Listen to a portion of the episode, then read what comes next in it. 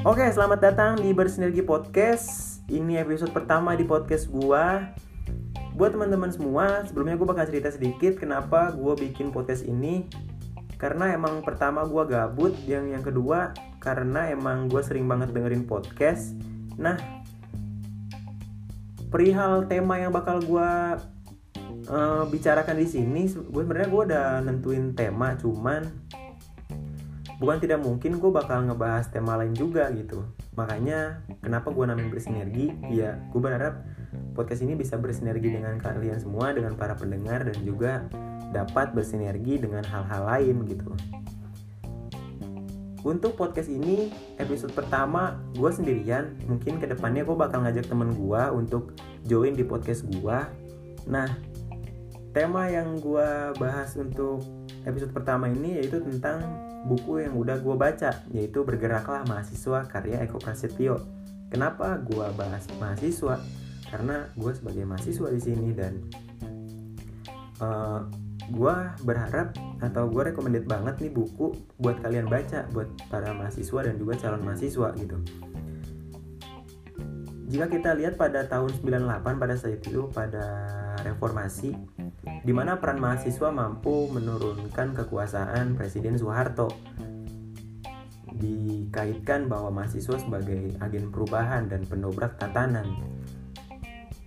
Uh, setelah kejadian itu, di mana mahasiswa banyak yang diculik dan tidak diketahui keberadaannya hingga saat ini, gitu.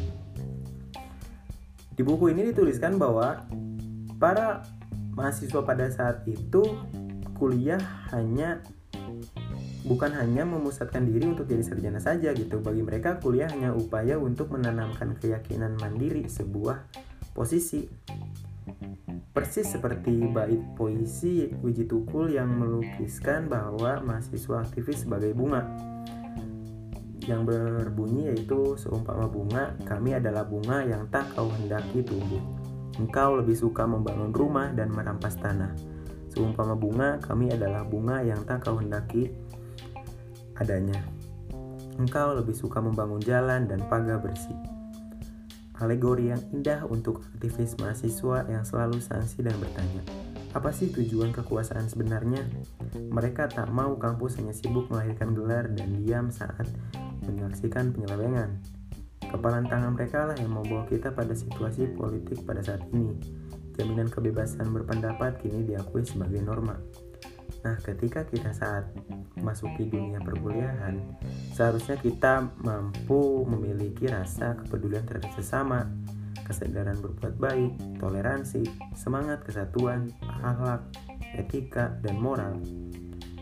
Di mana kita harus peka terhadap perjuangan meraih kebebasan, kesetaraan, dan keadilan mesti berhadapan dengan aneka risiko.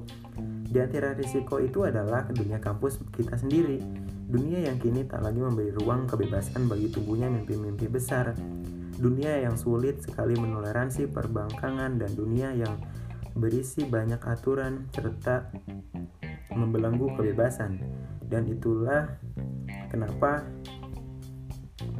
yang membedakan mahasiswa pada saat itu hingga dan mahasiswa saat ini gitu. Sekeliling kampus terdapat gejala yang makin bahaya dan mengancam kesenjangan sosial yang terus melebar.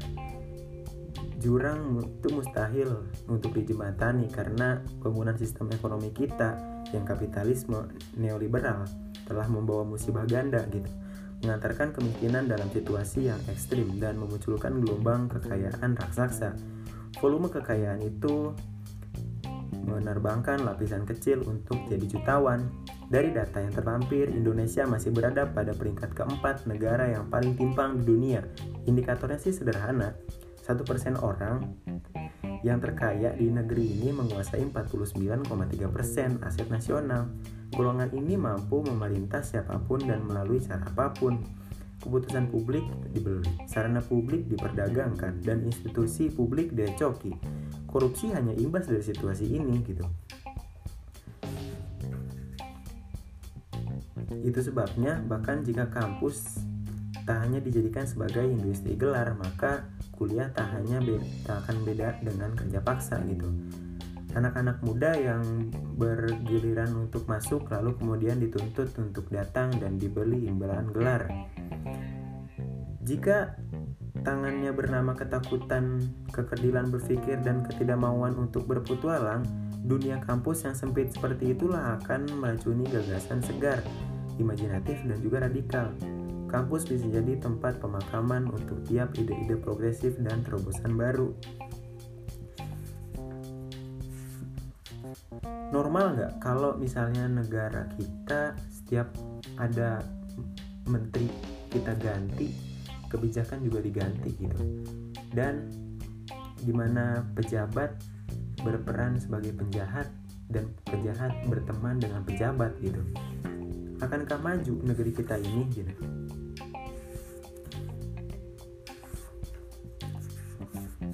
Nah, untuk itu bahwa pendidikan negeri kita ini berkiblat ke barat. Di sana anak-anak memang disiapkan untuk menjadi alat dari industri dan industri mereka berjalan tanpa henti. Tapi kita apa? Menjadi alat apa?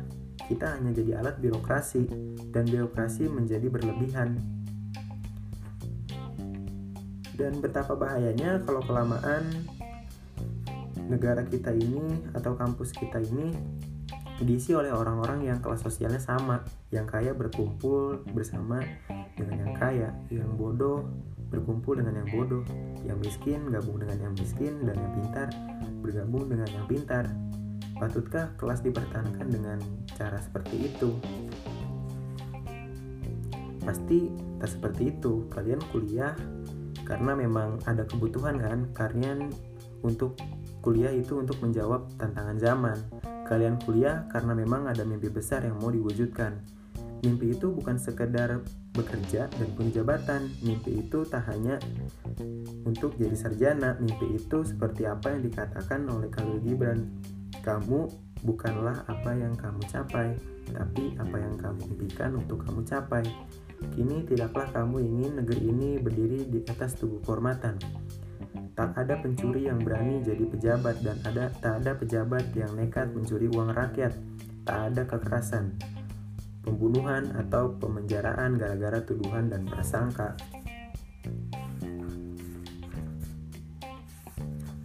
Nah, haruskah kita kuliah untuk mengajar nilai? Sejak dulu, tiap anak sekolah yang bersekolah punya keinginan untuk mencapai nilai setinggi-tingginya. Seakan semua mendapat nilai setinggi tingginya pasti akan menjamin semuanya pekerjaan kediaman bahkan pasangan kita kelak nanti gitu. Nilai seperti puncak dari semua yang dilakukan oleh anak sekolah. Begitu pula untuk mahasiswa. Meraih nilai tinggi merupakan impian para mahasiswa. Mendapatkan IP tinggi itu impian juga bagi para mahasiswa gitu kan. Nah nilai dan kuliah seperti pasangan yang tidak bisa dipisahkan. Kalau kita malas untuk kuliah pasti kita dapat nilai yang buruk. Dan kalau kita rajin pasti kita akan memperoleh nilai baik. Logika yang dibangun dengan mahir sejak sekolah dasar hingga sekarang hingga kita kuliah gitu kan. Di atas bangun keyakinan itulah anak-anak berprestasi diukur dengan anak yang nilainya tinggi. Padahal tak semua nilai tinggi punya hal yang seperti diimpikan gitu. Nah Kenapa sih kita harus berpikir kritis? Karena pada intinya kita nggak bisa tuh hidup dengan pandangan itu itu aja gitu. Kita butuh pembangkang karena kita bosan dengan pandangan yang lazim. Pandangan yang selalu meyakini bahwa apa yang diterima secara umum maka itulah keberadaan yang final. Seperti rajin sekolah pasti pintar. Keyakinan ini tak pernah diperdebatkan Lama-lama keyakinan ini menjalan pada yang pintar pasti patuh, yang patuh pasti berhasil. Janji kebersihan itu mengundang semua lembaga pendidikan untuk menanam kepatuhan dengan membabi buta. Korbannya tak lain mahasiswa yang sejak dini punya pandangan naif seperti itu. Lagi-lagi banyak menunjukkan bukti yang sebaliknya. Kepatuhan bukan landasan keberhasilan. Membangkanglah dan membuat semuanya jadi berubah dan membuat semua hal jadi berbeda hasilnya. Terus di sini ada kampus yang sejak awal masuk mahasiswanya sudah disodori formulir untuk tidak melakukan tindakan yang mencemarkan atau mengganggu stabilitas kampus. Formulir itu malah terang-terangan mencantumkan demonstrasi sebagai perbuatan terlarang dan jika mahasiswa melakukannya maka akan diberi sanksi yang tegas. Formulir ini mesti ditandatangani dan mana ada mahasiswa baru yang menolak ketentuan itu. Ketentuan yang muncul karena kekhawatiran pihak kampus pada tubuhnya kesadaran kritis mahasiswanya sendiri. Ada juga kampus yang rektor atau dekannya memanggil orang tua mahasiswa yang sudah diterima. Tiap orang tua diberitahu oleh rektor agar meyakinkan bahwa putra-putrinya untuk kuliah yang baik. Nah, kata baik ini untuk memastikan agar mahasiswa tidak suka berbuat onar, tidak berprotes, tidak menentang keputusan kampus, di mana kampus seperti rumah tahanan di mana para anggota mesti memahami kalau aturan dasar mereka adalah Jangan menentang keputusan apabila kalau ada keputusan tak adil, maka lihatlah aturan yang pertama tadi itu. Ini kampus atau penjara sebenarnya.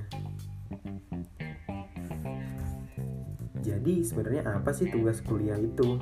Sebaiknya kuliah menumbuhkan individu sebagai seseorang maupun sebagai anggota masyarakat. Selama ini kampus hanya berusaha untuk menunggu, menumbuhkan kepatuhan sebagai sebuah kebijakan gitu kan sehingga kelak akan muncul sedikit orang saja yang berani menentang segala sesuatu. Ketidakberanian itulah yang seharusnya dinyahkan dalam dunia pendidikan ini. Ketidakberanian hanya akan membangun mental kawan yang patuh benci pada peradaan dan perbedaan yang sulit untuk menentang hal yang harus dipertentangkan. Padahal Kampus mendidik kematian seorang anak muda untuk selalu mempercayai bahwa pengetahuan yang dikonsumsinya bisa menjadi kekuatan yang merubah tatanan. Pengetahuan itu bukan himpunan doktrin yang dipercaya, diyakini dan dihafalkan, melainkan landasan untuk mengembangkan minat-minat baru. Itulah tugas terdepan kampus, mengembangkan watak intelektual dalam diri mahasiswanya. Kini, bolehkah kita berambisi untuk mencapai nilai tinggi sebenarnya. Jadi seperti ini, kuliah dengan puncak prestasi sebagai mahasiswa terpintar dan tercepat, semua ini harapan yang berarti bagimu saat ini, tapi sesungguhnya itu semua hanya jejak yang akan mudah terhapus, sebab keyakinan itu juga dimiliki oleh anak-anak seusiamu.